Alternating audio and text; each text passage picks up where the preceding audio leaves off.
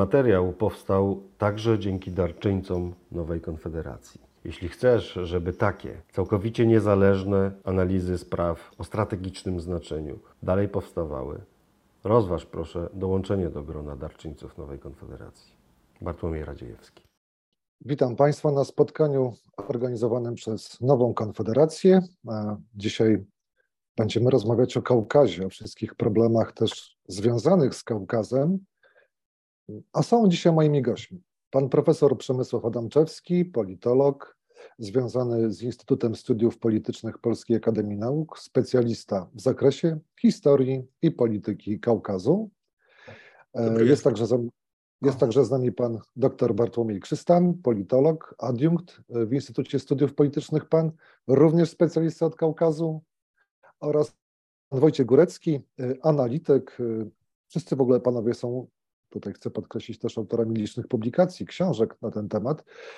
I pan Wojciech Górecki, analityk Ośrodka Studiów Wschodnich, także reporter, reporter przepraszam, autor kilku książek o Kaukazie i Azji Centralnej. Witam panowie.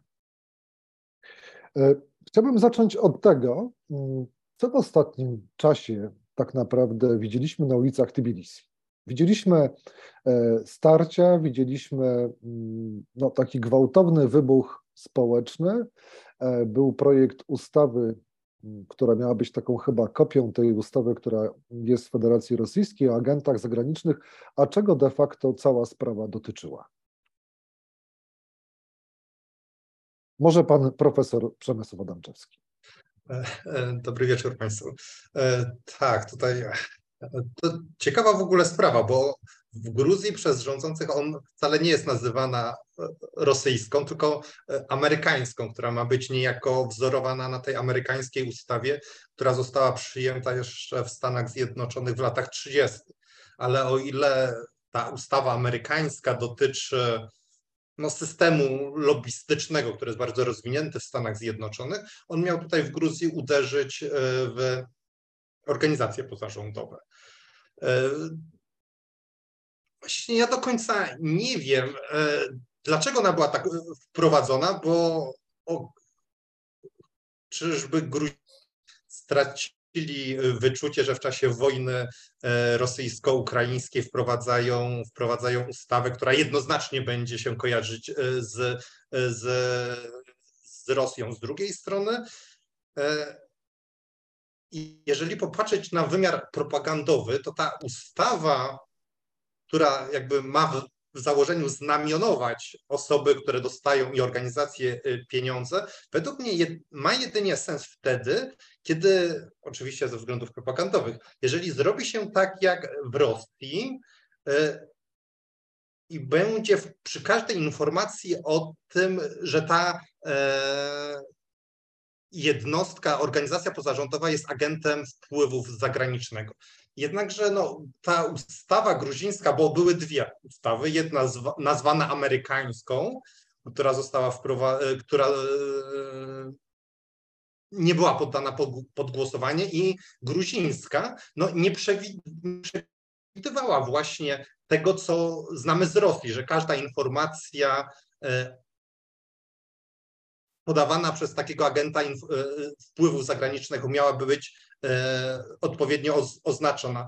E, no, dlaczego właśnie teraz? Trudno powiedzieć. Moim zdaniem mogło to być pewna gra z Unią Europejską, dlatego że Gruzja nie, wiadomo, że nie otrzymała statusu kandydata.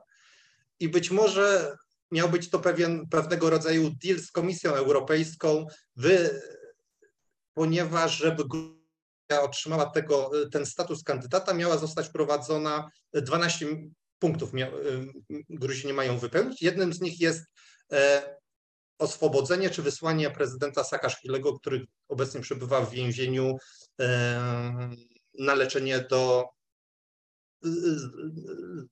zagranicy. I być może moje, moja teoria jest taka, że chcieli przehandlować ten punkt, który dotyczył Saakaszwilego, na później odwołanie tej, tej ustawy, ale nie uwzględnili tych protestów, które właśnie w Tbilisi e, miały miejsce. Może na razie to, na tyle. A czy to też nie jest tak, że Gruzja jest krajem dosyć e, specyficznym, nie najbogatszym, delikatnie mówiąc, i e, czy to też nie jest tak, że wszystkie te osoby, które zależały od różnych fundacji, także grantów zagranicznych, e, licznych projektów natury kulturalnej, badawczej, analitycznej, prowadzone, są prowadzone w Gruzji, nie poczuli się zagrożeni? To to na pewno, ale e, moim zdaniem no, nie wiadomo dlaczego, ja nie potrafię sobie wytłumaczyć, dlaczego akurat teraz. Gruzini no wprowadzili tą, tą ustawę. Oczywiście wyzwało to y, pewne niepokoje społeczne i dziennikarze, wszystkie organizacje międzynarodowe y, zaczęły pro, protestować i nawet sam y, Boro, również przedstawiciele Unii Europejskiej zaczęli, z, z, zwrócili się do władz w Gruzji, że to nie jest nie sprzyja nie sprzyja wartościom europejskim. Nawet sama pro, pro, prezydent Zurabiszwili powiedziała, jeszcze w lutym powiedziała, zapowiedziała, że zawetuje, zawetuje tą, tą, tą ustawę. Więc, no, więc nawet na łonie obozu rządzącego widać, widać było tutaj w tym przy, przypadku e, rozłam, ale według mnie e, Gruzini pokazali tutaj absolutny brak, brak wyczucia czasu z tą, z tą Panie ustawą. doktorze, a Pana opinia w tej sprawie? Zwracam się doktora Bartłomieja Krzystana. E, dobry wieczór Państwu, dobry Panie redaktorze, dobry wieczór Wojtku. Dobry wieczór. E, w znaczącej mierze no, Przemek zarysował tutaj większość e, najważniejszych aspektów związanych z tym, co ostatnimi czasy e, dzieje się w Tbilisi. Poza tym dodać trzeba przede wszystkim, że ma chyba znacznie bardziej e, antropologiczny ogląd sytuacji ze względu na to, że, że przebywa w tej chwili w Tbilisi.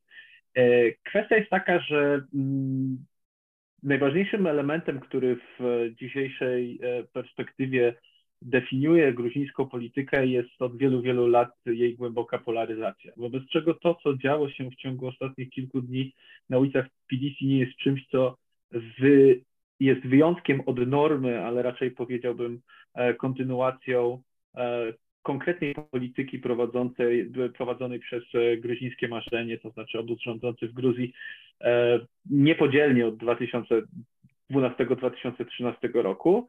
E, a ta polityka jest e, z założenia przynajmniej i w narracji, retoryce rządzących polityką pragmatyczną, która nie ma być nastawiona na jednoznaczną, e, jednoznaczne zderzenie z Federacją Rosyjską, niezależnie od tego, w jakiej sytuacji w danym momencie się znajdujemy. Trzeba pamiętać o tym, że o czym pan redaktor poniekąd wspomniał, Gruzja w znacznej mierze jest gospodarczo zależna od Federacji Rosyjskiej, E, wobec czego e, wobec, wobec, i ta polityka tak naprawdę prowadzona przez gruzińskie marzenie w coraz większym stopniu e, wzmacnia to uzależnienie gospodarcze, ale ono było też bardzo wyraźne jeszcze za prezydentury Michaila Saakaszwilego, który prezentował, jak pamiętamy, zupełnie odmienną perspektywę. Jednocześnie gruzińskie marzenie prowadzi bardzo charakterystyczną politykę, w której używa dwóch odmiennych narracji. Używa z jednej strony E, tworzona na użytek zewnętrzny i to jest narracja, w której kraj pozostaje zdecydowanie na euroatlantyckim kursie, proeuropejski. Jego cel w polityce zagranicznej jest dołączenie do e, struktur europejskich. Z drugiej strony jest narracja, która prowadzona jest na użytek wewnętrzny i to jest narracja, która opiera się przede wszystkim na odwołaniu się do konserwatywnych i tradycyjnych wartości gruzińskiego społeczeństwa, e, na opieraniu bardzo wielu aspektów polityki na wykorzystaniu elementów e, europejskich wartości, które nie są zgodne z tą tradycyjną linią. Ja tylko tutaj się odwołam do wczorajszego wystąpienia premiera e, Garibaszwilego, który po ciszy, e, dlatego że nie brał udziału w przeciwieństwie do innych polityków gruzińskiego marzenia, w komentowaniu tego, co się działo na ulicach na bieżąco, E, skomentował wydarzenia właśnie pisząc o tych młodych ludziach, którzy ubrani byli e, w satanistyczne stroje, jakby absolutnie nie niemalże nie rozumiejąc sytuacji e, na miejscu. Więc takie te dwa dyskursy, moim zdaniem, te dwie odmienne narracje, które są budowane do opisu sytuacji, są tak naprawdę technologiami władzy i one służą wyłącznie temu, żeby w zależności od okoliczności umacniać władzę gruzińskiego marzenia, bo gruzińskie marzenie rządzi już trzecią kadencję, w przyszłym roku będziemy mieli kolejne wybory parlamentarne w Gruzji.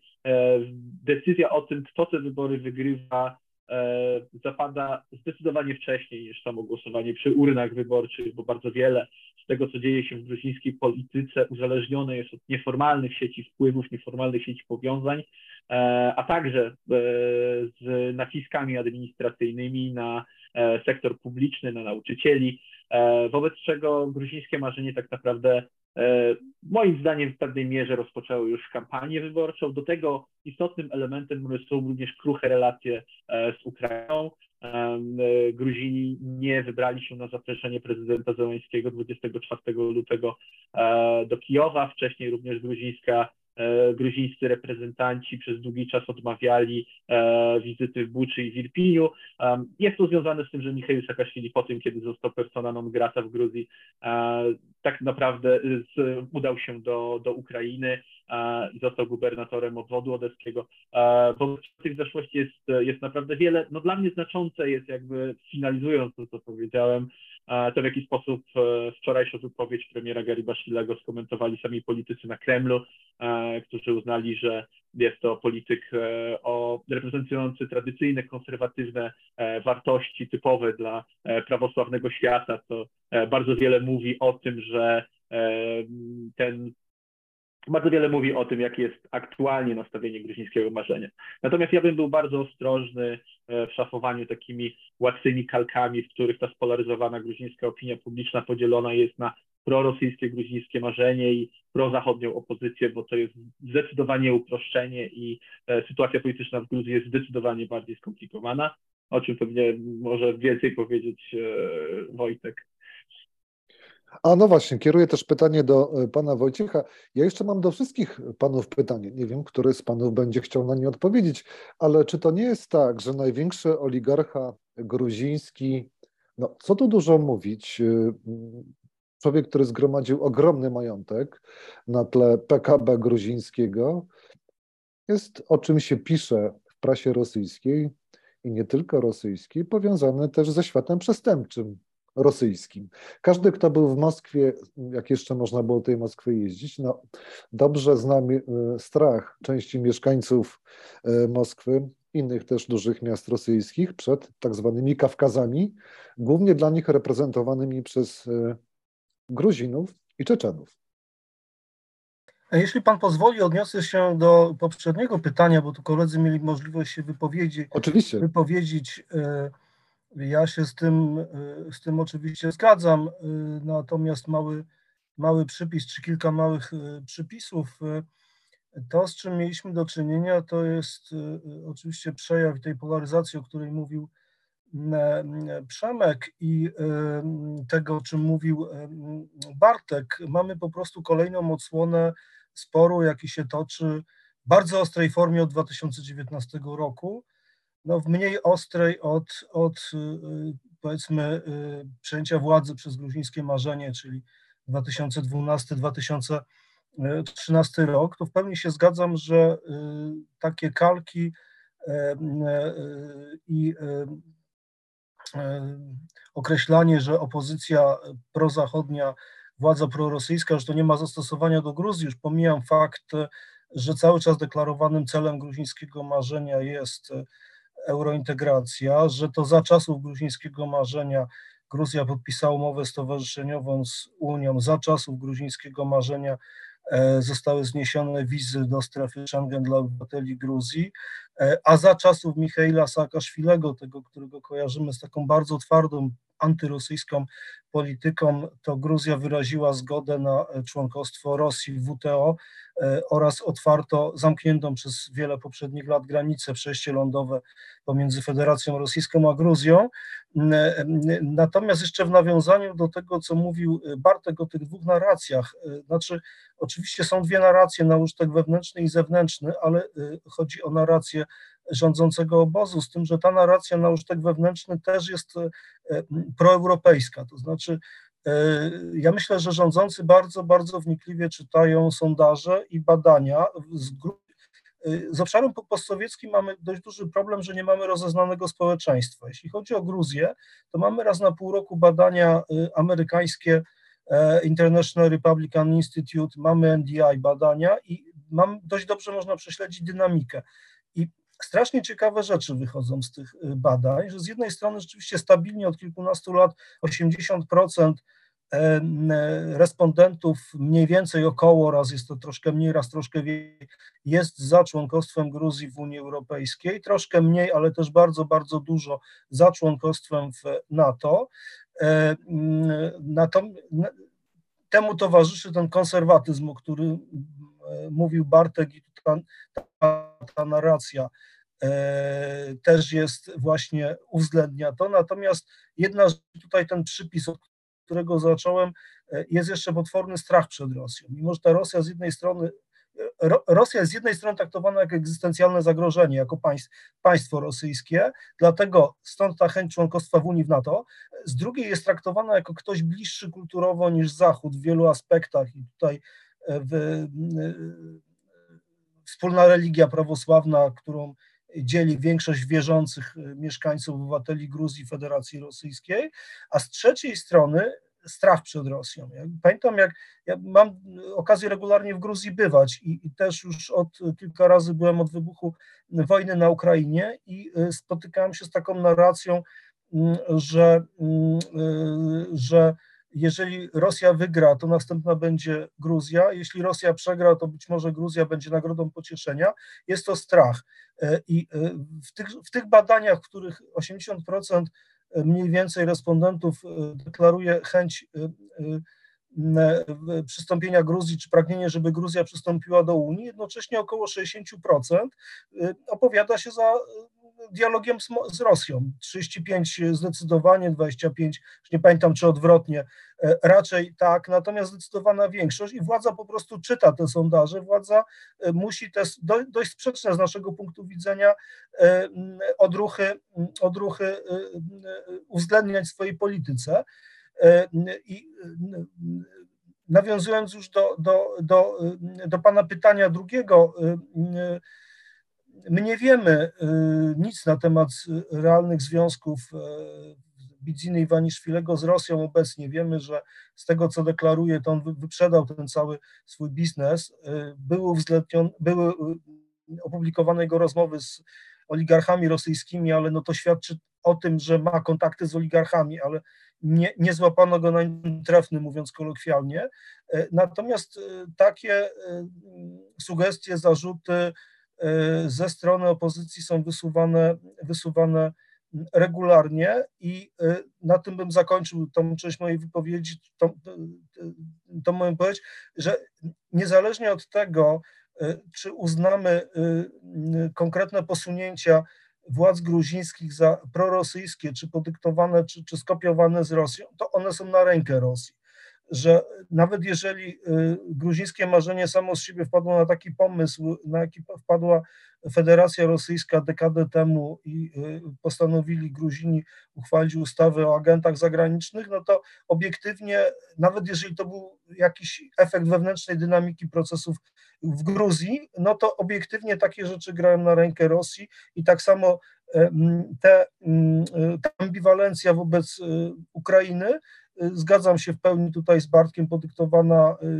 y, znaczy ważną rolę odgrywa tutaj osoba Michaela e, Saakaszwilego, no to to, że taka postawa jest, a nie inna, też Gruzini się boją oczywiście wciągnięcia w wojnę i tak dalej, to jest szczere, mimo że Angmas raczej Ukrainę popierają, e, to e, no musimy sobie z tych, z tych, niuansów zdawać sprawę, no to, to taki stosunek gra na rękę Rosji. Y, mam takie pytanie natury y, no, związanej z literaturą, dosyć ważną, y, jeśli chodzi o Azję Środkową, ale czy ta książka, nie wiem, czy Państwo dobrze widzą, czy Panowie dobrze widzą, czy jest też istotna do opisu tego, co dzieje się także dzisiaj na Gruzji, w Gruzji? Znaczy nie tylko w Gruzji, na całym Kaukazie, przepraszam.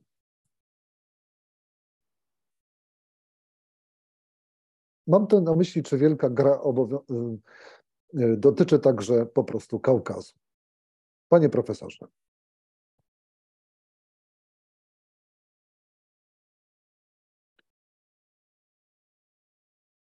przepraszam bardzo, sądzę, że wszędzie, gdzie stykają się interesy wielkich mocarstw, a właściwie no, mocarstwa, bo można chyba tylko mówić, że obecnie żyjemy w świecie jednomocarstwowym, Stany Zjednoczone, w tych obszarach, które Rosja uważa Wiesz, w latach 90. był taki e, termin bliską zagranicę, uważa za obszar postradziecki, za swoją wpływu, e, strefę wpływu, to rzeczywiście można tam mówić o, o obszarach konfliktogennych, tak jak Stany Zjednoczone, właśnie Kaukaz, czy, e, czy Europa, Europa Wschodnia z wyłączeniem, z wyłączeniem państw bałtyckich, które właściwie chyba Rosja się pogodziła z utratą wpływu w Litwie, Estonii e, i, i, i, w, i w, w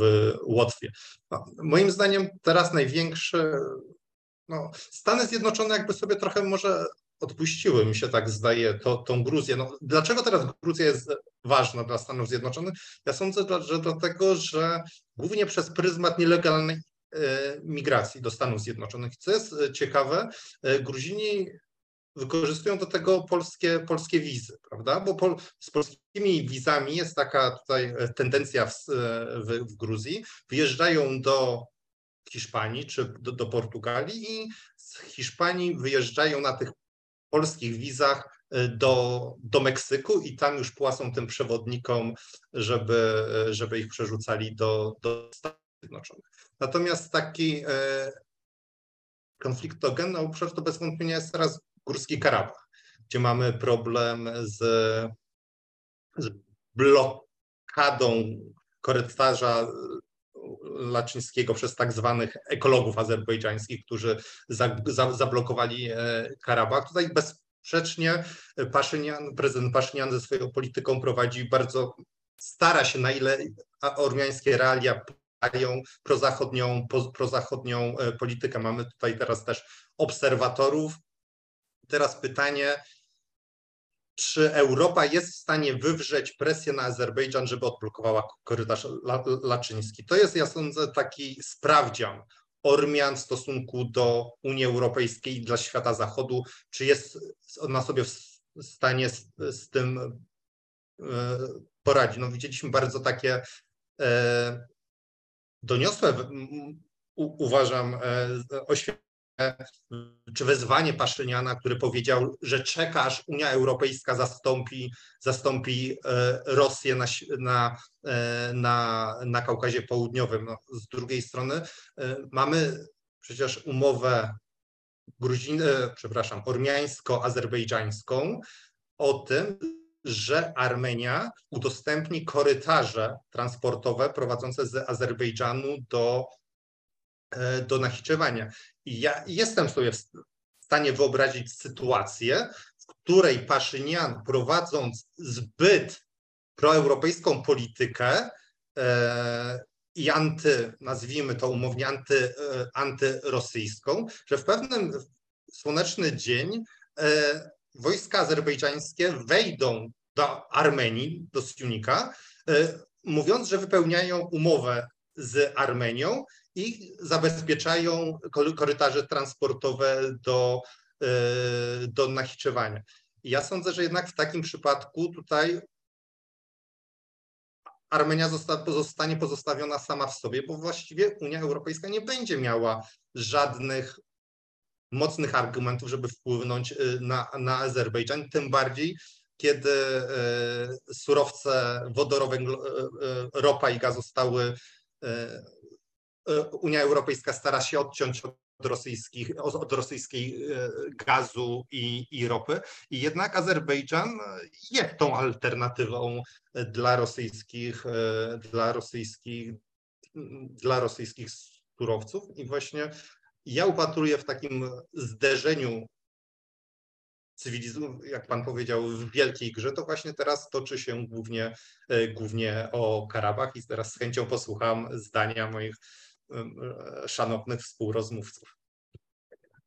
Jak najbardziej. Ja tylko jeszcze e, może przypomnę, mam nadzieję, że się nie pomylę, gdybym się pomylił, to proszę wybitnych fachowców o sprostowanie, ale bo rozmawiamy o regionie oczywiście w rozumieniu politycznym Kaukazu i to są, jeśli chodzi o samodzielne republiki, to jest Republika Gruzji, Armenii, Azerbejdżanu, natomiast jeśli chodzi o republiki zależne od Federacji Rosyjskiej, e, no to będzie Adygeja, e, Karaczajo-Czerkesja, e, Kabardo-Bałkaria, Osetia Północna, Inguszetia, Czeczenia i Dagestan. Zdałem?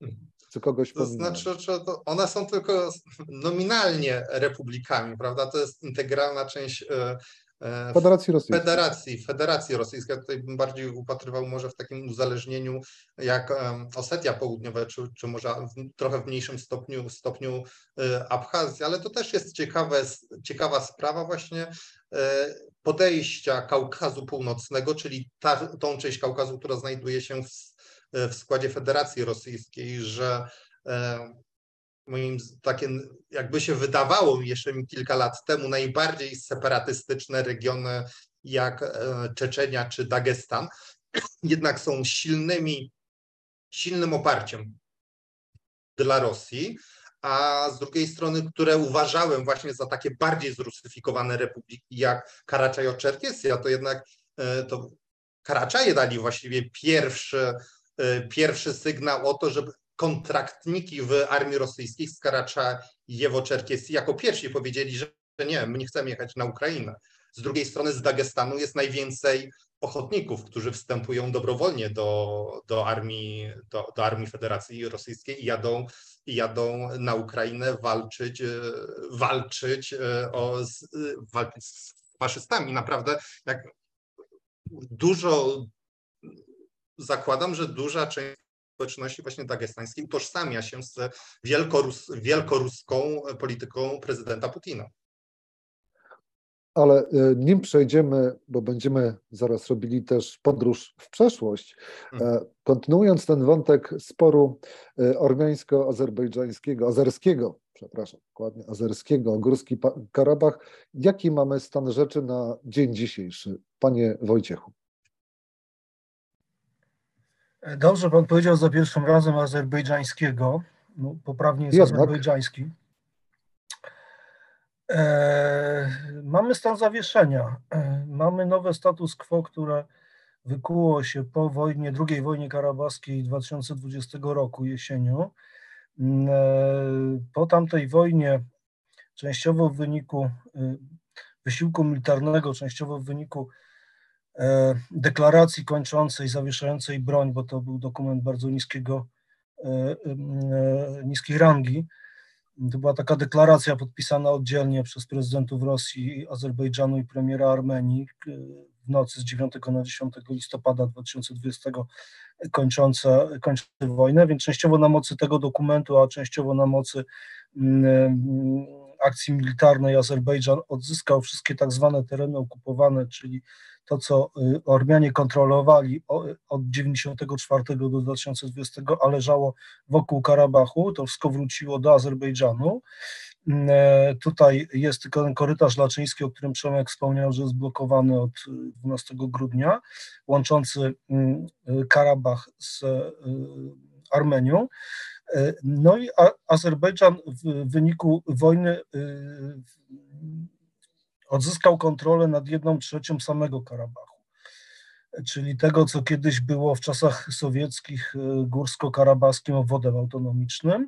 Natomiast reszta, czyli około dwóch trzecich tego dawnego obwodu mm, autonomicznego ze stolicą w Stepanakercie po azerbejdżańsku Hankendi e, kontrolują cały czas Ormianie. Jest tam parapaństwo mm, e, ormiańskie, nieuznane przez nikogo na świecie, łącznie z e, Armenią. I taki stan rzeczy utrzymuje się od jesieni 2020 roku. I teraz tak, na mocy dokumentu właśnie kończącego tamtą wojnę, drugą wojnę karabaską, bo pierwsza była początek lat 90., e,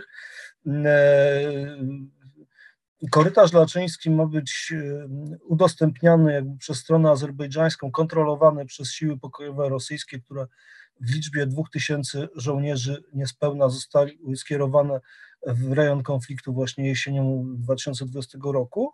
I była w tymże dokumencie i tutaj, tutaj to, co, to, co też Przemek mówił, była, była mowa bez użycia słowa korytarz o tym, że droga do Nachiczewanu, do eksklawy azerbejdżańskiej Nachiczewanu z zasadniczego terytorium azerbejdżańskiego ma być udostępniona przez Ormian, a kontrolę mają przeprowadzać pogranicznicy rosyjscy.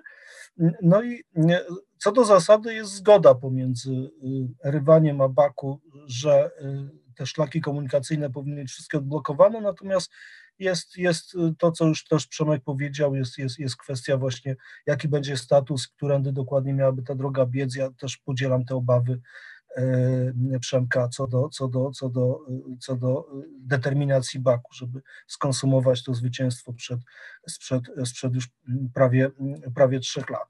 E, e, mamy, mamy, mamy zatem stan zawieszenia, który, który to stan zawieszenia jak się wydaje, przy braku postępu w rozmowach pokojowych, Ormianie uważają, że to gra na ich korzyść. Azerbejdżan by chciał jak, najbardziej, jak najszybciej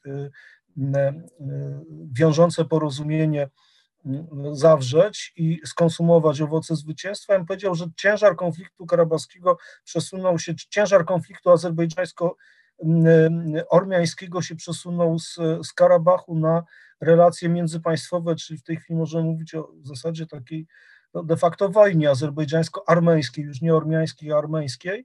No i tutaj stawką jest, stawką jest, no są relacje międzypaństwowe, pozycja Azerbejdżanu, ale też Turcji. Tutaj w nawiązaniu do Hopkerka, do wielkiej gry, no to tutaj tu Turcja jest takim uczestnikiem, jeżeli trzymać się e, tej terminologii XIX-wiecznej. E, I e,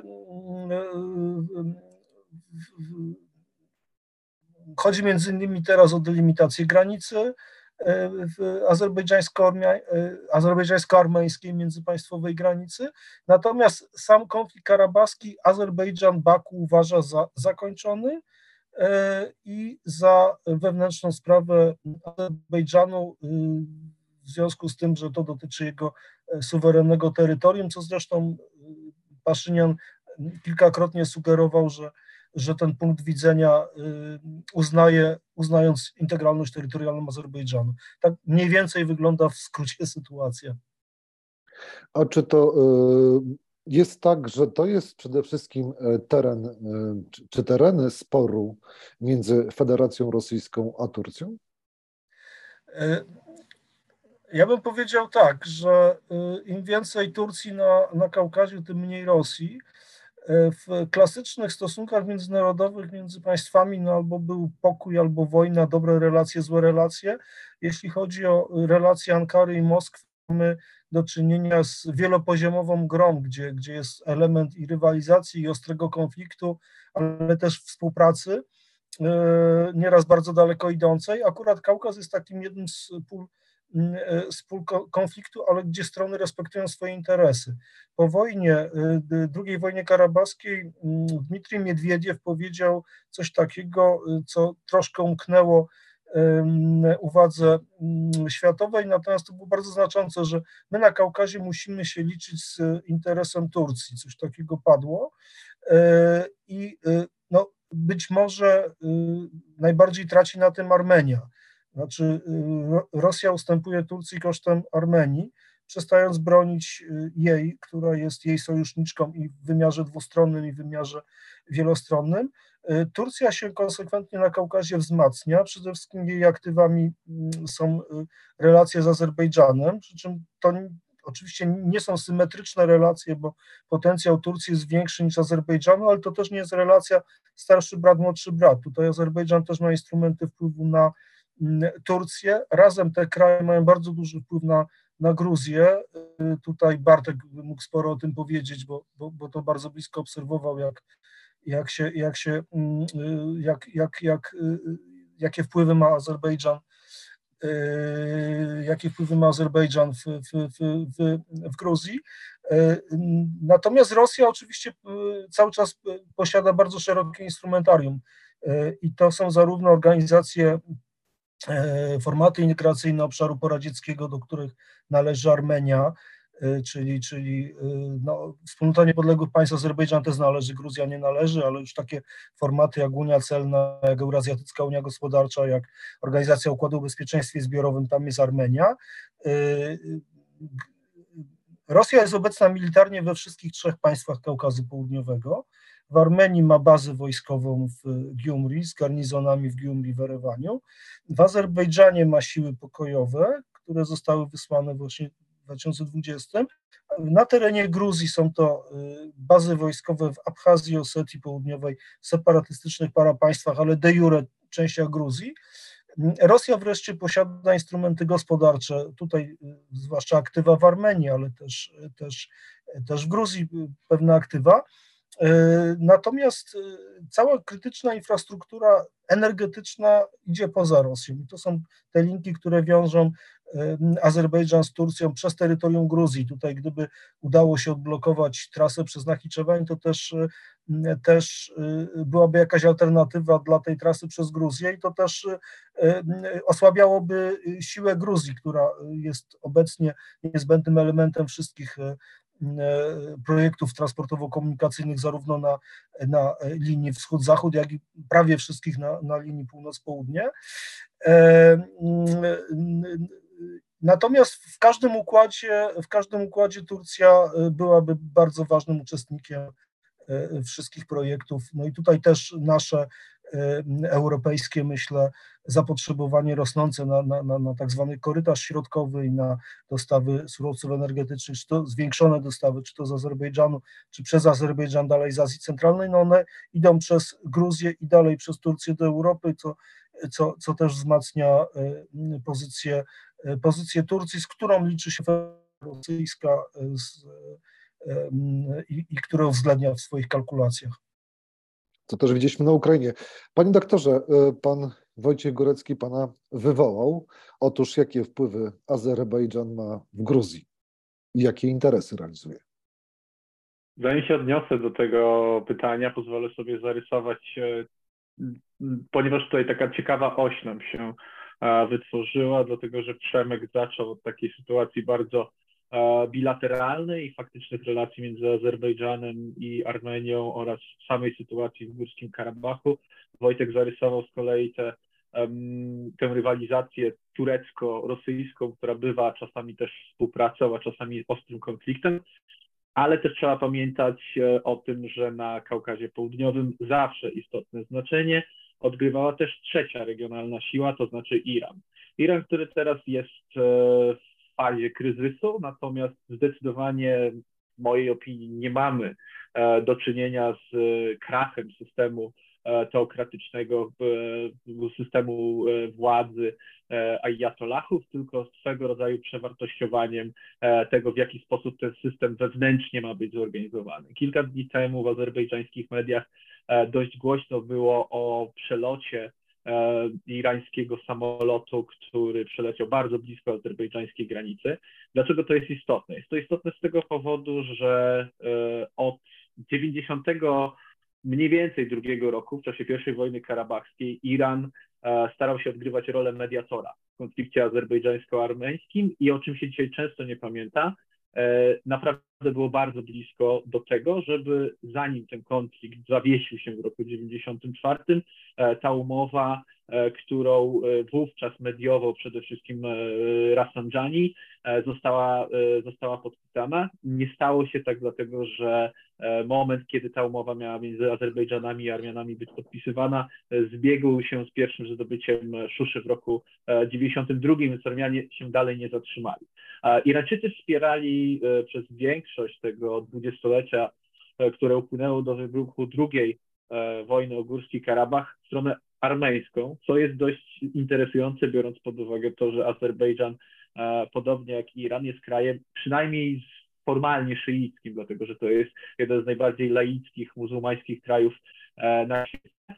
A to ze względu przede wszystkim na to, żeby równoważyć wpływy tureckie w regionie.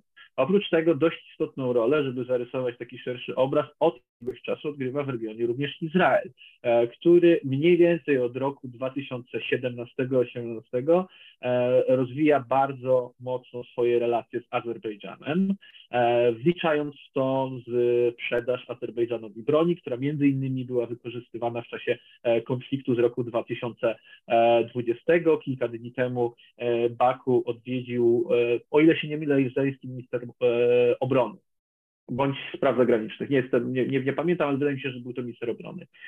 Więc te, te poszukiwanie do budowania dobrych relacji z Azerbejdżanem dla Izraela jest również swego rodzaju e, próbą wzmacniania swojego antyirańskiego e, frontu e, w regionie. Oczywiście oddziaływanie Iranu dziś na Kaukaz Południowy nie jest absolutnie tak znaczące jak oddziaływanie Rosji czy Turcji, ale jednak jak popatrzymy w takiej dłuższej perspektywie historycznej, to jednak ta dominacja rosyjska to jest okres ostatnich 200 lat, a Iran w różnych swoich formach jest obecny na Kaukazie Południowym tak naprawdę od 2000, wobec czego biorąc pod uwagę cierpliwość, e, z jaką robi się politykę e, w Teheranie, tak pół żartem, pół serio mówiąc, nie ma podstaw do tego, by nie sądzić, że któregoś dnia ta rola Iranu w regionie ponownie, ponownie nie wzrośnie. Wobec czego Kaukaz Południowy zawsze jako swego rodzaju region polityczny, który ma tak szczerze powiedziawszy, niewiele wspólnego z faktyczną,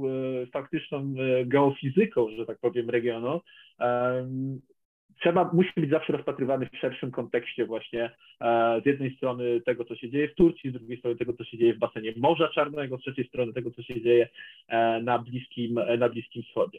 Moim zdaniem to, co jest istotne w dziś, to jest to, jak bardzo mocno pozycję Kaukazu Południowego na tej światowej szachownicy zmieniła e, agresja, rosyjska agresja w Ukrainie. E, reakcja państw Kaukazu Południowego na rosyjską agresję była odmienna, znacząco odmienna w każdym z trzech przypadków.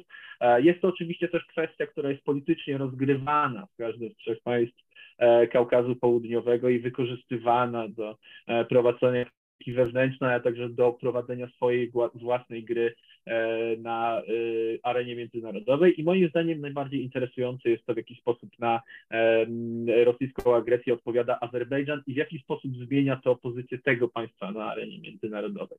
E, musimy pamiętać, że Azerbejdżan jest autorytaryzmem i to takim bardzo mocno skonsolidowanym autorytaryzmem, który jednak jest i może być, tak jak powiedział Wojtek, E, poważną alternatywą e, energetyczną e, dla zasobów ropy i gazu, które docierają przede wszystkim do Europy Środkowo-Wschodniej z Rosji. I tak naprawdę mniej więcej od połowy zeszłego roku wyraźnie widać, że Azerbejdżan bardzo próbuje wykorzystywać tę swoją pozycję, prowadząc taką politykę, którą w samym Baku określa się polityką balansowania, polityką balansowania pomiędzy Rosją i Zachodem. E, Azerbejdżan pozycjonuje się jako niezależne, neutralne państwo, które e, poczuwa się do bycia częścią Kaukazu Południowego, ale jednocześnie bardzo mocno stara się podkreślać swoją własną podmiotowość na arenie międzynarodowej, e, już nie tylko przez wpływ na wewnętrzną politykę w Gruzji, ale też w szerszej, w szerszej perspektywie ponieważ ma, ma, ma ku temu potencjał. To jest jednak państwo, które ma niemal 10 milionów mieszkańców, masę zasoby, e, ma prezydenta, który przy całym swoim e, autokratycznym sposobie sprawowania władzy jest skrajnie skuteczny. Nie wiem, czy panowie się ze mną zgodzą, ale e, polityka prowadzona przez bardzo konsekwentna od 2003 roku, od momentu, kiedy przejął władzę od swojego ojca Hejdara, realizuje politykę, która jest bardzo konsekwentna. Wszystkie cele, które zakłada i które pojawiają się zarówno w tej warstwie propagandowej przekazywanej e, azerbejdżańskiemu społeczeństwu, jak i e, przekazywane na zewnątrz są realizowane. W kontekście Górskiego Karabachu przez długi czas, tak jak Przemek i Wojtek już wspomnieli, ta kwestia była rozpatrywana jako dialog który powinien być prowadzony z Erywaniem. Ormianie karabachscy, tworzący to nieuznawane państwo, nie byli brani pod uwagę jako strona konfliktu. Teraz jest absolutna zmiana, dlatego że faktycznie jest konflikt ormiańsko-azerbejdżański, ale narracja w Baku jest taka, że e, to są obywatele Azerbejdżanu. E, jeżeli chcą e, ustalić status, my jesteśmy na to otwarci, czekamy. Dzisiaj rano prezydent Alijew wystosował oświadczenie, w którym napisał, że jest gotowy na to, żeby kontynuować te rozmowy. Wcześniej warunkiem tego było usunięcie z Górskiego Karabachu Rubena Wagana, takiego dość kontrowersyjnego ormiańskiego od jakiegoś czasu e, obywatela, który rodził się w Rosji, tam zrobił wielki, wielki, wielką karierę e, w biznesie. W pewnym momencie stał się takim wrogiem publicznym numer jeden prezydenta Alijewa. Wardanian finalnie z Karabachu wyjechał, krótko mówiąc. E, no i teraz prezydent Alijew pokazuje dobrą wolę do rozmów z Ormianami karabachskimi. E, I to jest sprawa już zupełnie e, wewnętrzna. Ona dla Azerbejdżanu jest zamknięta. Interesy Azerbejdżanu są teraz znacznie dalej i tak naprawdę, jeżeli miałbym mówić o tym, gdzie ta, gdzie jego, gdzie, gdzie te, w którą stronę teraz się z Baku patrzy, to moim zdaniem z Baku się patrzy teraz na południe, w stronę Iranu, od czasu do czasu żeby być pewnym, jak wygląda sytuacja w, w sytuacja w Moskwie. I bardzo krótko w odpowiedzi na Pana pytanie, to jest przede wszystkim kwestia zależności energetycznych. To znaczy Gruzja e, jest, e, można powiedzieć, niemal całkowicie uzależniona od e, azerbejdżańskich dostaw surowców naturalnych. Sokar, czyli państwowa, państwowa firma azerbejdżańska, naftowa w zasadzie dominuje na gruzińskim rynku. Nie, nie przytoczę teraz dokładnych liczb, ale dominuje na, na, na gruzińskim rynku, jeśli chodzi o dostarczanie właśnie ropy. Nie jest to relacja jednostronna, to zdecydowanie te relacje są bliskie. Gruzini często podkreślają ich dobre relacje z Azerbejdżanem, ale to jest, jeżeli, jeżeli, jeżeli można by było w ogóle nazwać to sojuszem, na pewno nie jest to e, sojusz symetryczny, tylko asymetryczny. Dochodzą do tego kwestie związane z tym, że w Gruzji, która jest najbardziej e, wielonarodowym i wieloetnicznym państwem z tych wszystkich państw Kaukazu Południowego, e, jest znaczący odsetek ludności azerbejdżańskiej, która bardzo, bardzo często jest słabo zasymilowana z gruzińskim społeczeństwem. Wobec tego terytorium Dolnej Kartki, terytorium e, wschodniej Kacheti, e, te graniczne terytoria z Azerbejdżanem w pewnej mierze są taką, można powiedzieć, delikatnie tykającą beczką prochu. Do tego trzeba pamiętać o tym, że ze względu na niezbyt dokładne rysowanie map, E, w latach 30., kiedy to wyznaczano granice pomiędzy poszczególnymi e, republikami Kaukazu Południowego, do dziś granica azerbejdżańsko-gruzińska nie jest do końca wytyczona. Wobec czego. A no właśnie. To jest bardzo ważny wątek, który Pan poruszył, zaraz do niego przejdziemy. Mm, na czym tu polegał pewien rodzaj sprytu i dalekowzroczności Józefa Stalina, E, bo w jakimś sensie tu chyba się panowie ze mną zgodzą, że chociażby spór o Górski Karabach jest właśnie wynikiem owego wyznaczenia mapy, o jakim pan doktor powiedział. Czy nie? Czy się mylę? Proszę bardzo, panie doktorze. Bo kiwał nie chcę, tutaj, nie chcę tutaj monopolizować, ale bo moim zdaniem no, to jest du dużo dłuższa kwestia, natomiast no, jak to się mówi, same marywanie w samym baku, no jak mielibyśmy się cofać, to byśmy musieli skoczyć na Raracie. E, no to nie jest konflikt moim zdaniem ściśle postsowiecki, jego takie głębsze korzenie tkwią znacznie wcześniej, e, to znaczy w konfliktach e, ormiańsko-azerbejdżańskich z czasów istnienia tych trzech republik, które powstały po rewolucji październikowej, z wcześniejszej polityki E, kolonialnej rosyjskiej prowadzonej na Kaukazie Południowym i z rozgrywania przez Imperium Rosyjskie e, poszczególnych narodów przeciwko sobie.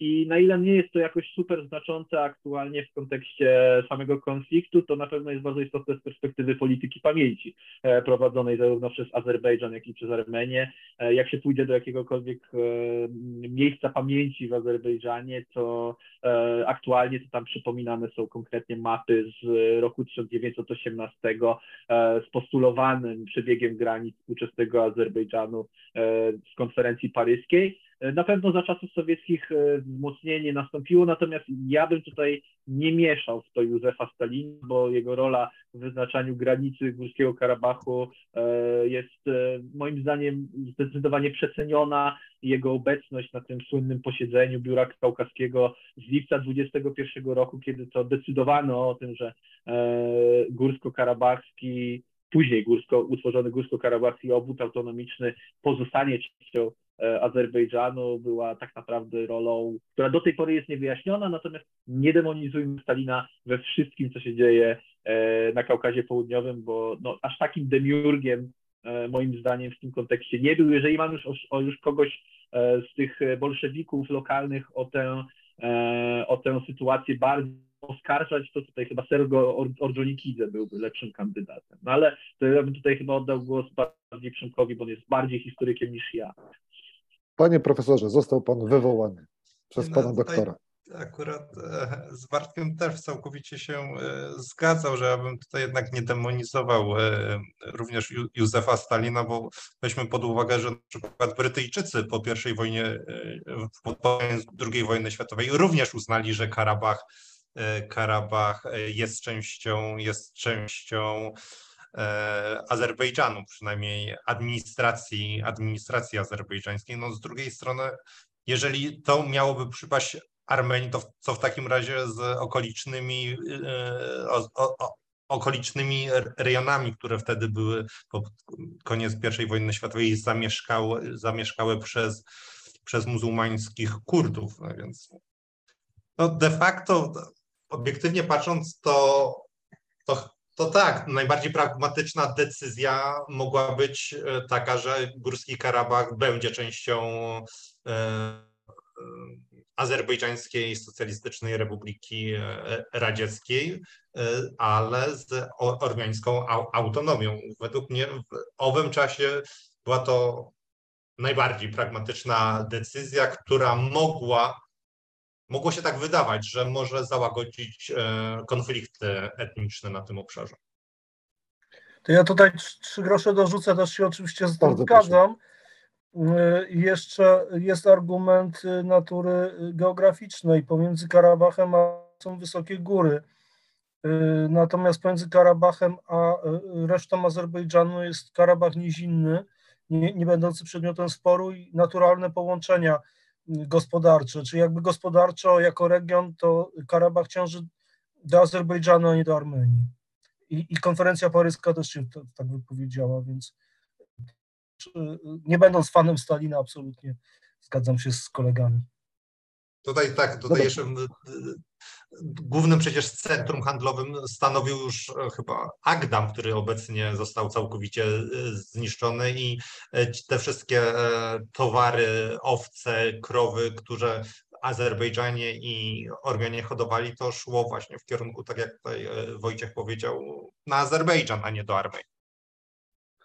Ja tak jeszcze, ja jeszcze... jednym zdaniem chciałem powiedzieć, że aktualnie to jest bardzo istotne politycznie w azerbejdżańskiej nomenklaturze w ogóle nie ma takiego podziału na górny i górski, przepraszam, i nizinny Karabach. Jest po prostu Karabach, który jest jednym terytorium i co do tego nie ma żadnej dyskusji. I jakby z założenia zarówno azerbejdżańscy powiązani z prezydentem Alijewem analitycy, jak i politycy po prostu jednoznacznie mówią, że e, Nagorny Karabach, czyli górski Karabach to jest e, sowiecki, rosyjski imperialny pomysł, który nie, nie ma już więcej miejsca. No, nie, już, już nie jest.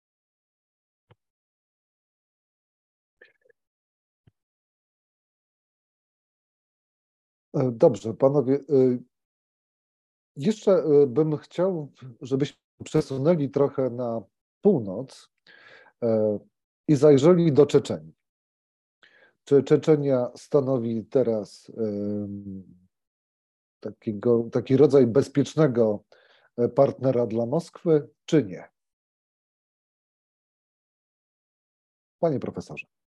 To jest e, dobre, e, dobre pytanie, na które trudno, trudno właściwie teraz odpowiedzieć. No, e, z doniesień medialnych podobno Ramzan Kadyrow jest bardzo chory i mm, szykuje się tam już następstwo tronu na, na jego syna. Na pewno Kadyrow jest człowiekiem e, Putina. Tutaj nie ulega to najmniejszej e, wątpliwości. E, według mnie w dużym stopniu spacyfikował tą, tą, tą, tą republikę za pomocą brutalnej, brutalnej siły, która Europie chyba jest, albo nawet na świecie, jeden z najbardziej brutalnych, można powiedzieć, władców czy, czy wataszku. Mieliśmy przykładowo takie mm, protesty w Armenii, w, przepraszam, nie w Armenii, tylko w Czeczenii, kiedy protestowały kobiety, kobiety, które sprzeciwiały się, żeby ich synowie, ich synów odprawiać, odprawiać na front do, do Ukrainy.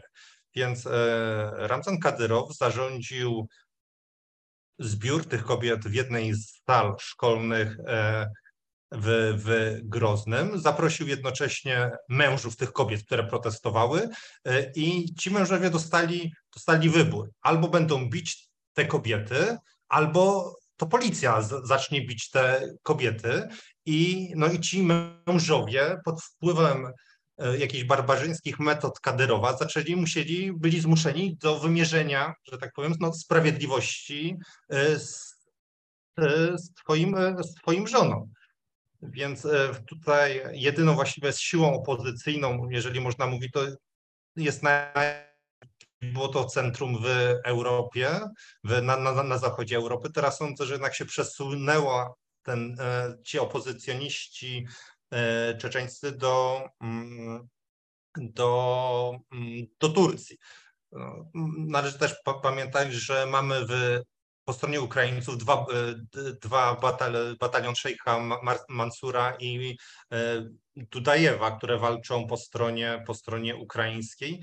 Jednakże, jednakże ja sądzę, że akurat walka o nie, ukraińską Ukraińców, Ukraińców przeciwko Rosji może nie cieszy się zbytnią popularnością wśród Czeczenów. Czeczeni dobrze pamiętają, że mieliśmy takie Ukraini, Ukraińcy zaczęli wydawać, zaczęli wydawać żołnierzy z batalii Szejka Mansura, którzy walczyli w, Donba w Donbasie E, od 14 roku e, zaczęli wydawać Rosji. Tutaj ostatni nawet przypadek był w 2021, kiedy no, e, Rosja ich zawsze oskarżała o to, że mm, walczyli w, po stronie państwa islamskiego w Syrii. No i taka Oczywiście trudno to sprawdzić. Ja zakładam, że duża, rzeczywiście duża procent tych Czeczenów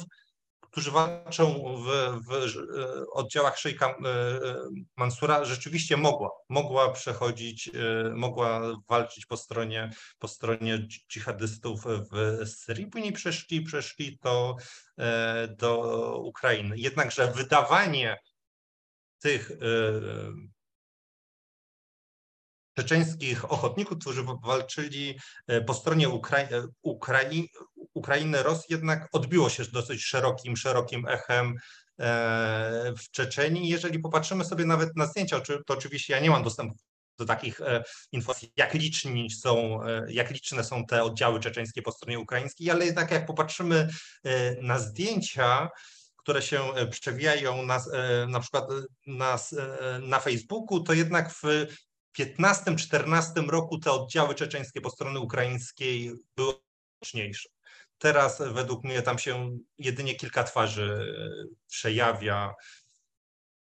Więc tak, według mnie Czeczenia jest obecnie w pełni spacyfikowaną republiką i nie wiem właściwie, co tam musiałoby się stać, żeby, e, żeby pojawiła się opozycja względem Kaderowa e, i Czeczenia. Dziękuję. Czy pan Wojciech zgadza się z twierdzeniem profesora, że Czeczenia jest w pełni spacyfikowaną republiką? Na tę chwilę tak, oczywiście, natomiast e, ta sytuacja się może zmienić. E, kiedy z Moskwy przestaną napływać pieniądze do Czeczenii. E, zgadzam się, że Kadyrow jest człowiekiem Putina, ale właśnie on jest lojalny wobec Putina, nie wobec Rosji. Jako takiej, on się uważa za żołnierza Putina, to jest taki stosunek wręcz Y, ojcowsko-synowski, tak porównywany i y, jeszcze w, kiedy, kiedy, kiedy, on, kiedy jego ojciec zginął, czyli, czyli, czyli, czyli Ahmed Kadyrow y, w zamachu, to, to, to, to takie ikoniczne zdjęcie było, jak w dresie przyjechał Ramzan na, na Krem, go Putin tak obejmował. Natomiast ja pamiętam, jak prezydentem Federacji Rosyjskiej był Miedwiediew, e, który odwiedził Grozny i kompletny brak szacunku mu okazywał e, wtedy Ramzan Kadyrow, więc e, to jest taki układ, powiedziałbym, personalny, który w tej chwili się sprawdza i dokładnie tak, tak, tak jak to zostało opisane, on funkcjonuje. Natomiast gdyby, gdyby zabrakło jednego elementu, czyli albo, albo Kadyrowa, albo Putina, to, to on może przestać y, obowiązywać i mm, sytuacji, kiedy by pieniądze przestały napływać z Moskwy. Mm, Wielu Czeczenów y, twierdzi, że to Rosja przegrała z Czeczenią, bo wypłaca reparacje Czeczeni. Z- Za te pieniądze Ramzan odbudował Grozny, który był zniszczony tak jak Warszawa w 1944, a, a tam śladu już wojny, wojny nie ma. E, Więc y, ja jestem w stanie sobie wyobrazić sytuację, gdzie, gdzie ten układ się zmienia, ale to właśnie albo by musiało zabraknąć Putina, Kadyrowa. W momencie, kiedy by się zmienił układ sił, to, to, y, to być może Czeczenia znowu by stanęła w awangardzie procesów, procesów dezintegracyjnych Federacji Rosyjskiej. Ja bym tego nie wykluczył. Natomiast w chwili obecnej jest tak, jak, jak, jak Przemysław mówi. Panie doktorze, podziela Pan opinię przedmówców?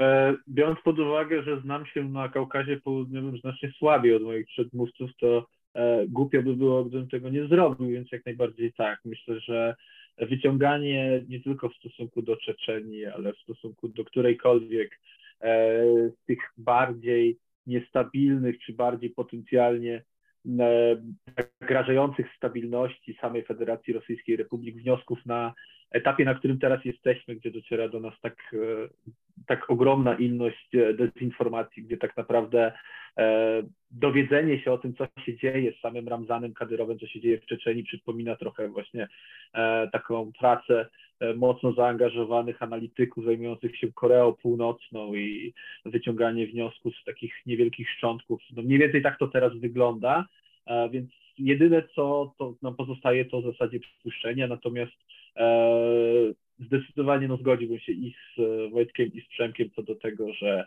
e, to Czeczenia zdecydowanie na Kaukazie Północnym zawsze potencjalnie stanowi to miejsce, z którego zaczynają wypływać e, ruchy antyrosyjskie, tak było i przy Carze, gdzie właśnie z Dagestanu i z Czeczenii tam działał w największej mierze Imam Szamil, tak było też e, wtedy, kiedy rozpadał się Związek Sowiecki, więc zapewne, jeżeli coś takiego miałoby nastąpić, to pewnie tam. No dobrze, zacznijmy od takich e, Przepraszam. bardzo...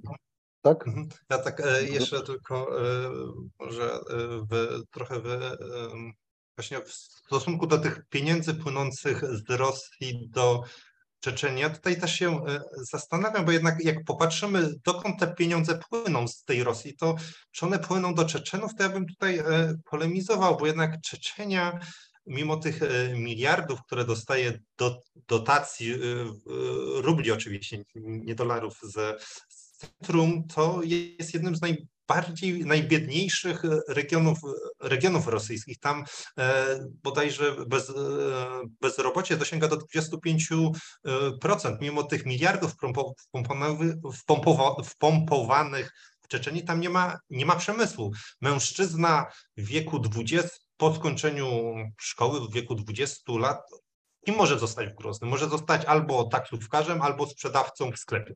Tam nie ma, nie ma gdzie iść do pracy, prawda? Więc mamy też bardzo dużą migrację tych, e, tych, tych Czeczenów, więc jak gdyby nie poszło, gdyby e, zakręci się kurek z pieniędzy, pieniędzy z, z Moskwy do, do, do Czeczenii, to ja sądzę, że e, na życie przeciętnego Czeczena to e, nie, nie będzie miało zbyt wielkiego wpływu, bo i, i tak tych e, nie jest, e, e, nie jest odbiorcą obecnie tych pieniędzy, aczkolwiek klan Kadyrowa i jego najbliższa rodzina e, jak najbardziej, z czego możemy obserwować nawet e, e, według doniesień prasowych e, willę w, w, Dubaju, które należą do Kadyrowa.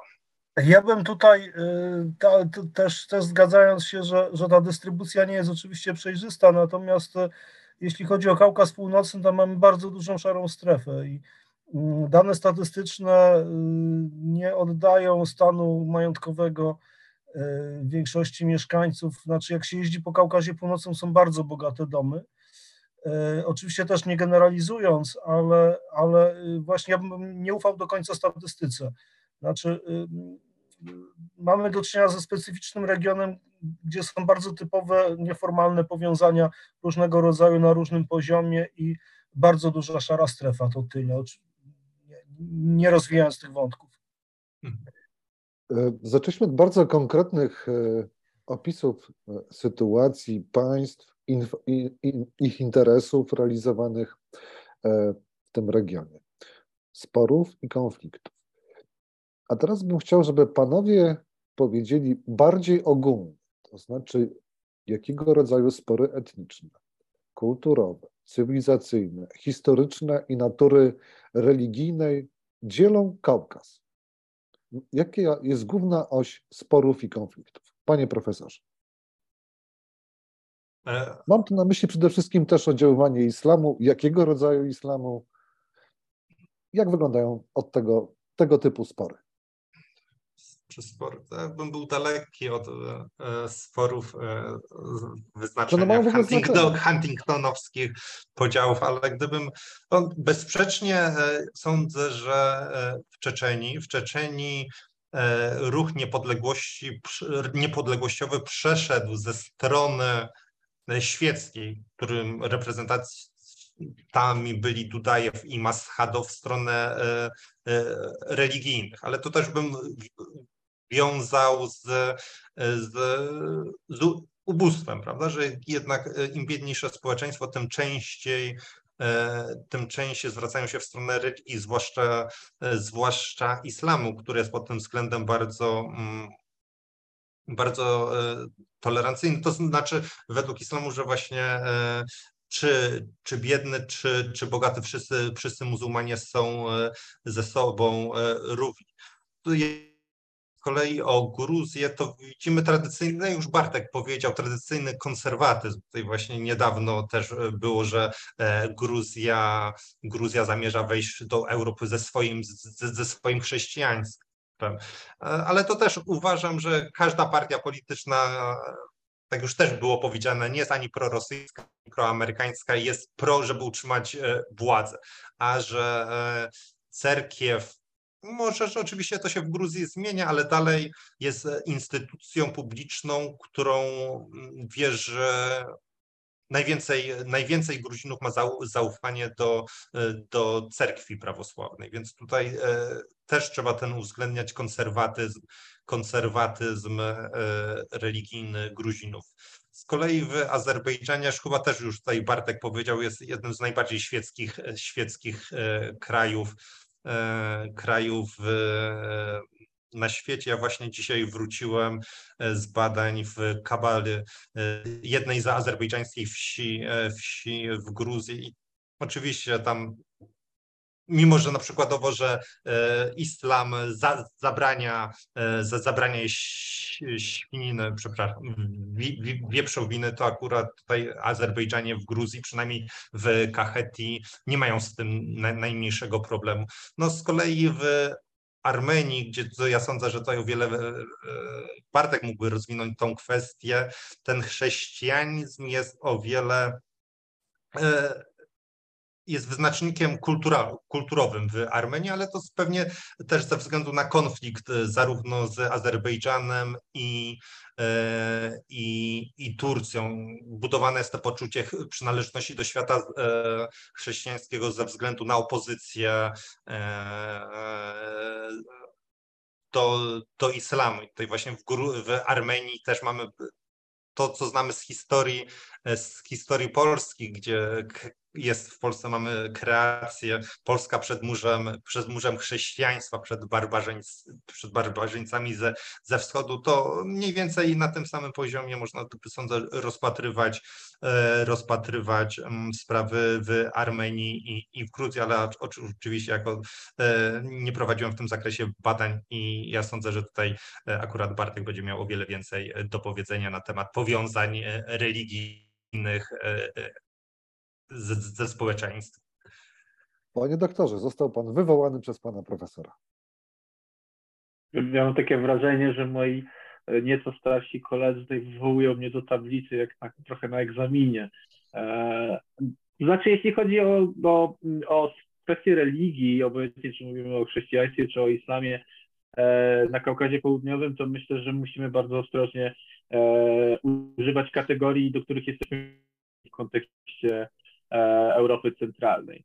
E, przykładowo w 2020 roku, kiedy wybuchła druga wojna karabachska e, w polskich mediach, no jak wiadomo, w polskich mediach e, pojawiło się wielu nowych ekspertów od regionu nieznanych szerzej wcześniej wśród tych, którzy się zajmują tym tematem i bardzo łatwo i szybko powstał właśnie taki schemat, w którym to była wojna niemalże religijna pomiędzy właśnie, tak jak Przemek powiedział, przedmurzem chrześcijaństwa reprezentowanym przez Armenię i muzułmańskim Azerbejdżanem, gdzie w ogóle nie brano pod uwagę kwestii tego, że Azerbejdżan, tak jak wspomnieliśmy, jest najbardziej sekularyzowanym muzułmańskim formalnie państwem na świecie. E, gdzie nie brano czynnika irańskiego pod uwagę, gdzie Azerbejdżanie też szyitami są, chociaż tam coraz bardziej dynamiczne, dynamicznie mm, zachodzi proces przechodzenia na sunnizm, co wynika e, z kolei ze wspólnoty językowej e, i kości językowej między językiem azerbejdżańskim i językiem tureckim, więc ta, to się zmienia. Natomiast no nie jest to jakkolwiek element, który ma znaczenie dla samego konfliktu karabowskiego. Samej Armenii religia jest zdecydowanie kwestią tożsamościową i kulturową. E, badacze ormiańscy, diasporyczni amerykańscy, tacy jak na przykład Raznik Panosian, wskazują, że w Armenii ta tożsamość jest właśnie skupiona wokół trzech podstawowych elementów. E, tacy skrajni nacjonaliści e, budują swoją swoją tożsamość wokół takiego mitologicznego postrzegania ormiańskości, właśnie cofając się jeszcze do mitycznych czasów Hajka, Prawduka Noego. E, ci tacy bardziej wyważeni nacjonaliści e, cofają się właśnie do e, korzeni chrześcijańskiej Armenii, do początków IV stulecia, kiedy Armenia chrześcijaństwo miała przyjąć, ale ormiańska, ormiański kościół, apostolski kościół ormiański zapisał się bardzo złą kartą w czasie istnienia Związku Sowieckiego. I E, ta bliska współpraca pomiędzy ważnymi hierarchami kościo kościoła ormiańskiego i głównymi sowieckimi e, aparatczykami, e, która często się sprowadzała do tego, że w momencie, kiedy rozwijał się już ruch proniepodległościowy antysowiecki w samej Armenii, to Kościół wspierał władzę sowiecką, w dalszym ciągu jest zapamiętana, poza tym to doświadczenie jednak 70 lat bycia częścią ideologicznie E, ateistycznego państwa swoje znaczenie i w przeciwieństwie na przykład do Gruzji, no zdecydowanie młodzi Ormianie e, nie czerpią tak wiele z kwestii, kwestii religijnych. E, myślę, że w Gruzji te kwestie religijne sprowadzają się przede wszystkim do znaczącej różnicy pomiędzy centrum i peryferiami. To znaczy, im dalej wypuścimy się w szeroko pojętą prowincję, tym bardziej tradycyjne i konserwatywne wzorce możemy zobaczyć. Natomiast no, ja po swoich latach doświadczeń prowadzenia badań, życia na Kaukazie Południowym, to, co mogę stwierdzić jednoznacznie, to bardzo płytkie podejście do kwestii religijności i szczególnie w Tbilisi bardzo takie traktowanie tej religii jako takiego elementu tradycjonalistycznego, ale niespecjalnie mającego znaczenie w codziennym, e, w codziennym, e, w codziennym życiu. Więc jakby nie brałbym czynnika religijnego jako istotnego w tych uwarunkowaniach, e, uwarunkowaniach politycznych jakkolwiek. Czym innym są kwestie etniczne, ale to już jest osobny temat. Panie Wojciechu, to samo pytanie do Pana. E, tutaj troszkę moi koledzy sprzeczne rzeczy mówili. Przemek mówił o wadze religii w Gruzji, Bartek mówił o o tym, że jest to troszkę tak formalnie traktowane, ale niemniej Eliasz II patriarcha jest cały czas najbardziej e, cieszącą się największą zaufaniem osobą publiczną, tak, na, na, na głowę wszystkich polityków czynnych. E, i w, w, w, rankingach religijności Gruzja, jakkolwiek to może być ta religijność taka bardzo obrzędowa, też Gruzja zajmuje bardzo, bardzo wysokie miejsca, najwyższe w Europie, y, Gruzja i Armenia. Notabene prawosławne państwa. y, Akurat Armenia nie jest prawosławna, Gruzja jest prawosławna, ale prawosławne państwa do, dość wysoko w, tym w, tym, w tym, tym rankingu. Y, y, Ja się zgadzam oczywiście, że konflikt karabaski nie był w najmniejszym, może w minimalnym jakimś tam stopniu konfliktem religijnym, ale to jest konflikt polityczny z odcieniem konfliktu etnicznego. Natomiast ten dysonans poznawczy się myślę w Polsce brał stąd, że naturalna jakaś sympatia wielu, wielu, wielu obserwatorów do e, chrześcijańskiej Armenii stygła, kiedy się uświadamiało, że ta Armenia jest sojuszniczką Rosji, a, a Azerbejdżan jest sojusznikiem Turcji, naszego sojusznika z NATO. Oczywiście jakby po, po, po, pogrzebać to, ta, ta, ta, to, że o tym mówiliśmy, ta relacja ormiańsko-rosyjska nie jest jednoznaczna i również Turcja jako mm, członek NATO y, też jest z innymi członkami NATO skonfliktowany i tak dalej. To już im dalej w las, tym więcej drzew po prostu.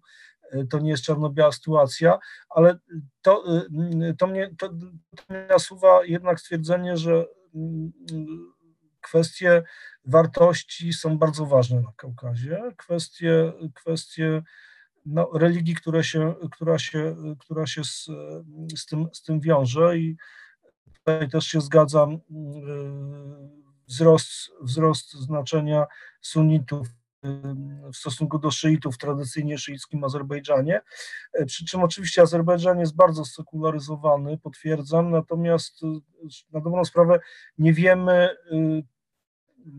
co tam się w głębi dzieje, yy, dlatego że dość, dość yy, mocno, mówiąc kolokwialnie, władza pod but ten islam wzięła i yy, niewiele dociera informacji po prostu, czy, czy, czy, czy, czy, czy, czy, czy działa tam jakieś podziemie islamskie, nie działa, no po prostu nie wiemy. Natomiast będąc w Baku mnie zawsze zachwycają takie obrazki, jak gdzie dziewczyna yy, ubrana zgodnie z kanonami islamu i trzyma za rękę swoją e, koleżankę, która, która, która jest w miniówce i rozmawiałem, chichoczem, dopóki, dopóki e, będą takie obrazki możliwe, dopóty jest ten Azerbejdżan, Azerbejdżan spokojny. E, Natomiast, natomiast e, e, co mam na myśli, mówiąc jeszcze o, o wartościach, no, chociażby to, od czego zaczęliśmy, czyli ta, czyli ta, ta, ta, ta Gruzja, y, ta akceptacja Zachodu instytucjonalnego, ale nie do końca Zachodu w sensie systemu wartości, y, to, to się przekłada na politykę po prostu. Także gdybym miał, oczywiście nie da się takiej jednej linii podziału wytyczyć, tu starałem się pokazać, że każda sprawa ma drugie, trzecie, czwarte, piąte dno i, i, i wiele, wiele aspektów, ale, ale bym powiedział, że, że kwestie właśnie tożsamościowe odgrywają stra- bardzo, bardzo istotną rolę i przekładają się na wybory polityczne. Może tak ogólnie, ale, ale żeby już nie wchodzić właśnie w poszczególne przypadki. No dobrze, na koniec jedna kwestia i to jest pytanie skierowane do każdego z panów. W jaki sposób, y, i tutaj mamy dwa warianty rzecz jasna, w jaki sposób na Kaukaz może wpłynąć fakt, jeżeli Federacja Rosyjska wygra wojnę na Ukrainie, a co się stanie, jeśli ona przegra i czy to w ogóle dla Kaukazu będzie miało jakiekolwiek znaczenie? Panie profesorze. Ja sądzę, że tak, no oczywiście, ja sądzę, że dla całego, dla całej społeczności, już nie tylko w wymiarze Kaukazu i Europy, ale ogólnoświatowego porządku e, będzie miało ważne. Przecież mamy jeszcze problem, nie rozwodząc się, no, problem Tajwanu, prawda, który jest cały czas e, uważany przez Chiny za, za swoją zbuntowaną, e, za, za swoją zbuntowaną prowincję i według mnie e, tutaj zapewne są zwrócone oczy, oczy Stanów, e, Stanów Zjednoczonych, a, a Kaukaz jakby znajduje się e, na drugim planie. W Gruzji no na pewno jest ten konflikt, e, wojna w Ukrainie rozgrywana. Tutaj cały czas jak mantrę można usłyszeć przez padających z ust polityków rządz, rządzą, rząd, rządzą, partii rządzącej, że cały czas E, Ukraina dąży do tego, żeby w Gruzji powstał e, drugi, drugi front i e, i żeby, i żeby wciągnąć Rus, Gruzję, Gruzję do wojny. Cały czas są powtarzane zarzuty wobec prezydenta Saakaszwilego, że tak naprawdę on tutaj został skierowany przez służby specjalne Ukrainy, e, które chciały, żeby przyjechał do Gruzji, zrobił kolejną e, rewolucję róż i zaangażował Gruzję, Gruzję, Gruzję mm, do wojny.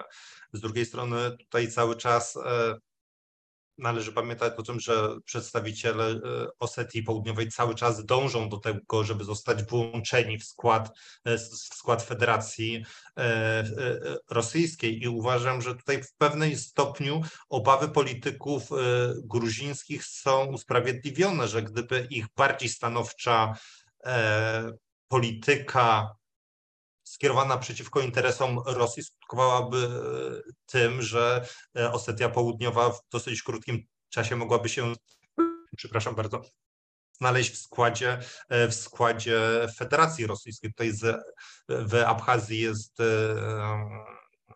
inna sytuacja, ponieważ jednak Abchazji bardzo często powtarzają, e, nie po to wychodziliśmy z Gruzji, żebyśmy teraz e, wchodzili, wchodzili w skład e, federacji, w, federacji rosyjskiej. Na pewno konsekwencje ma, również będą widoczne na konflikcie karabachskim, ale to w tym znaczeniu, że o ile Rosja będzie słabsza, Ukraina będzie osłabiać Ro- Rosję, to tym bardziej Azerbejdżan będzie się czuł e, pewniej w konflikcie karabachskim. Uważam, że będzie sobie mógł e, na coraz więcej, na coraz więcej, bardzo przepraszam, E, na coraz więcej, na c- mm, coraz więcej pozwolić, ponieważ e, jak Ukraina będzie z, z, przepraszam bardzo, ale muszę oddać głos może później pod koniec, pod koniec Dobrze. Panie y, Wojciechu, pytanie do Pana. W jaki sposób wygrana lub przegrana Rosji, wygrana lub przegrana Ukrainy może wpłynąć na Kaukaz?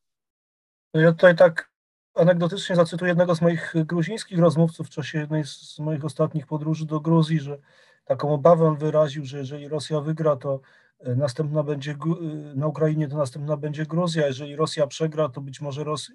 jeżeli Rosja przegra, to być może mm, sięgnie po Gruzję jako po nagrodę pocieszenia, więc tak czy tak źle dla, dla, mm, dla Gruzji. Mm, Z kolei w Azerbejdżanie słyszałem taką opinię, że y, ostateczne rozwiązanie konfliktu y, z Armenią będzie możliwe dopiero po tym, jak się zakończy sprawa wojny rosyjsko-ukraińskiej, bo wtedy, wtedy będzie wiadomo, jaki jest układ sił. To, co Przemyk powiedział, że to się oczywiście zgadzam, że, że, że mm, porażka Rosji y, ośmieli Azerbejdżan. Y, Także y, nie przesądzając, w którą stronę może ten, ta, ta, ta wojna na Kaukaz y, wpłynąć, y, to, to jest bardzo, bardzo uważnie obserwowana i przede wszystkim z obawą obserwowana y, przez, przez wszystkich na, na Kaukazie. Armenia się z kolei obawia takiego ostatecznego wyjścia, odejścia Rosji z, z, z, z, z Kaukazu. No, poza, poza skrajnymi scenariuszami, że na przykład totalna klęska Rosji, można by sobie wtedy, wtedy, wtedy obserwować, wyobrazić, że, że Gruzja sięga wtedy po, po, po Osetię Południową co najmniej, pewnie też po Abchazję. I drugi skrajny scenariusz, że Rosja, mniej na szczęście prawdopodobny, że Rosja zdecydowanie wygrywa, jest znowu hegemonem wtedy, wtedy być może też ta Abchazja i Osetia by wróciły, ale już w ramach rosyjskiej, czy zależnie od Rosji, Gruzji, e, czego się w Gruzji mm, obawiają.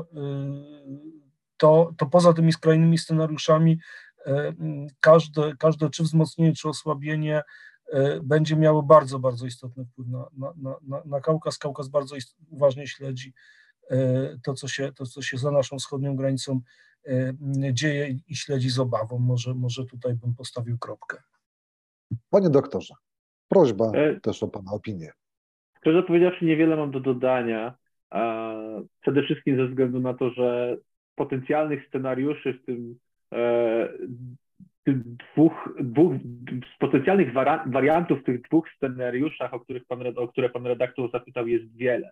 Znaczy może być bardzo wiele zwycięstw Rosji, może być bardzo wiele zwycięstw Ukrainy i każde z tych odmiennych zwycięstw Rosji może mieć odmienne reperkusje na Kaukazie Południowym i każde z tych odmiennych zwycięstw Ukrainy może mieć odmienne reperkusje na e, Kaukazie Południowym. Myślę, że e, zdecydowanie zgodziłbym się z tym, że chyba najbardziej e, tutaj m, najbardziej obawiać się tego, co może się wydarzyć, mogą Gruzini.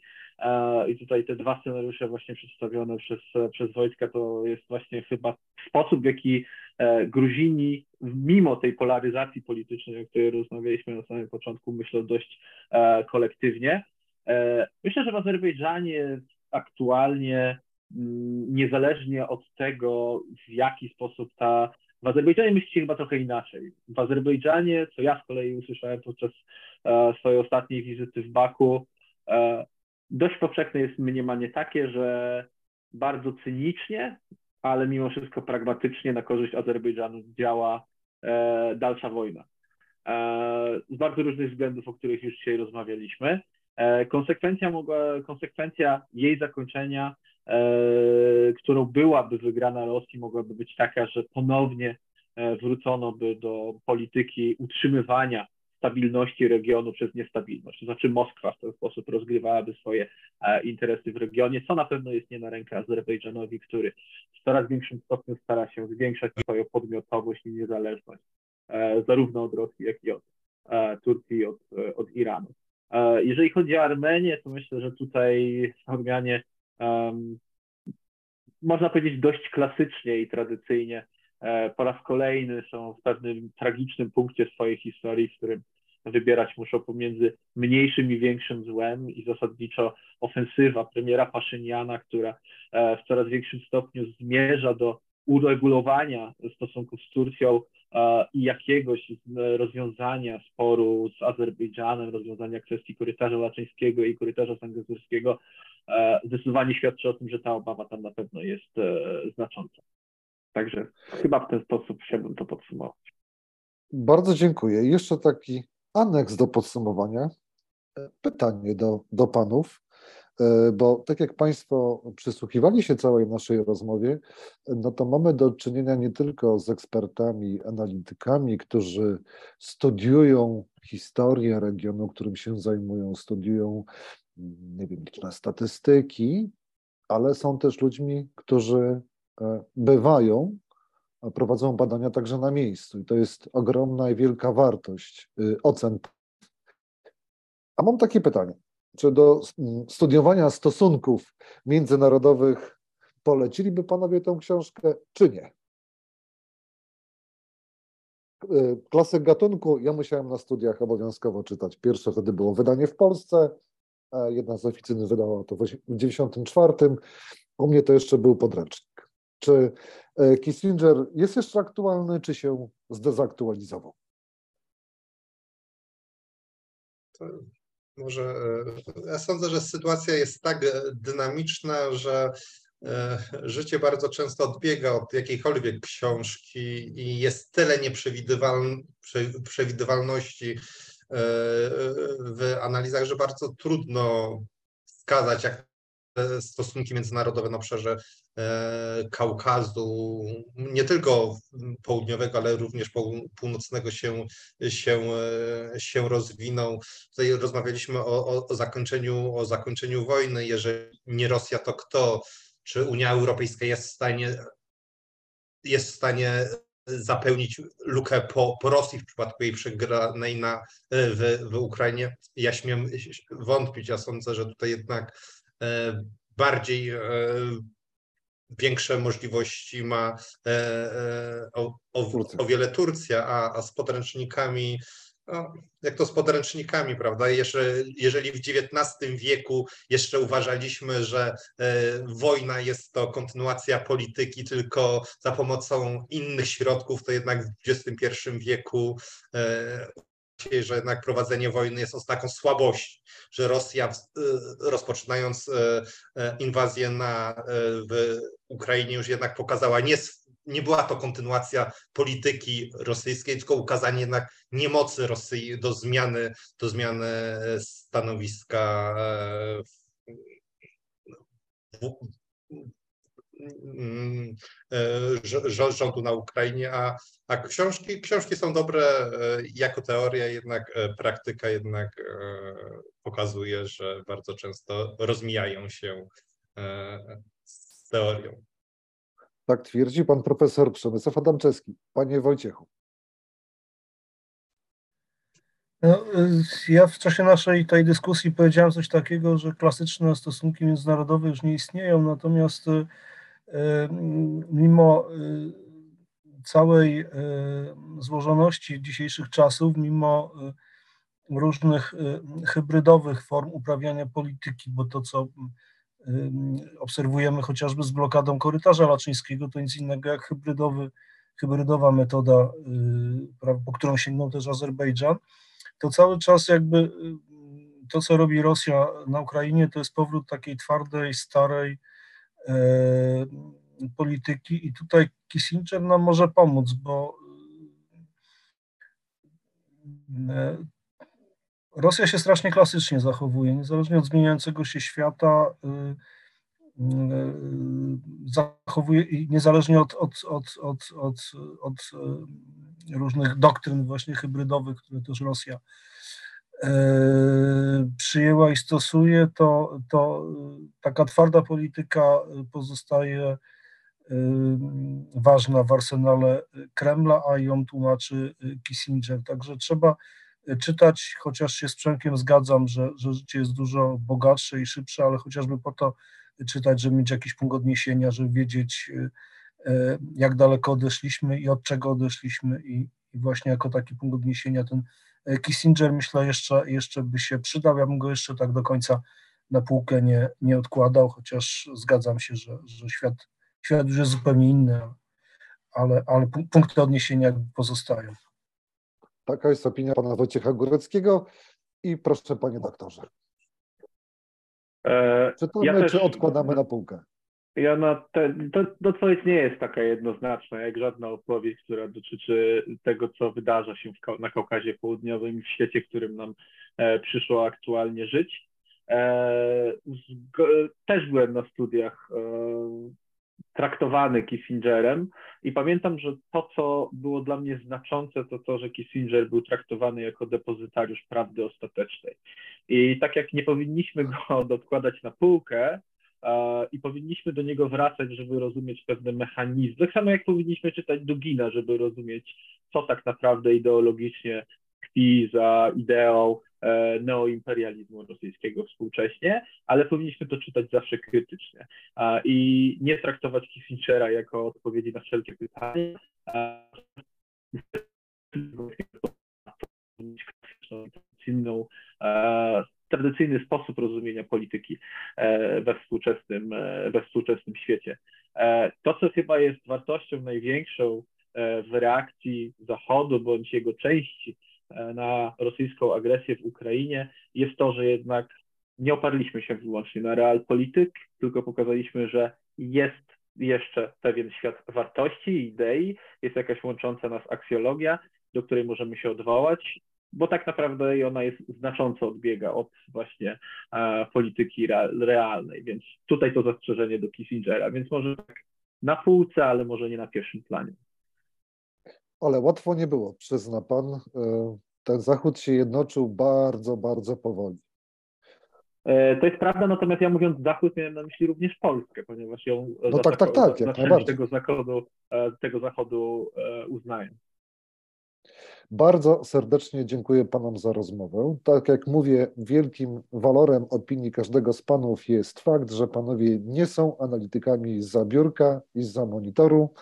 Moimi gośćmi i Nowej Konfederacji byli pan doktor habilitowany Przemysław Adamczewski, politolog związany z Instytutem Studiów Politycznych PAN, specjalista w zakresie historii i polityki Kaukazu, pan doktor Bartłomiej Przystan, politolog, również związany z Instytutem Studiów Politycznych PAN, również specjalista od Kaukazu i pan Wojciech Górecki, analityk związany z Ośrodkiem Studiów Wschodnich, e, także autor kilku reportaży, książek o Kaukazie i o Azji Środkowej i Centralnej. Bardzo dziękuję Państwu za rozmowę. Kłania się Rafał Dudkiewicz.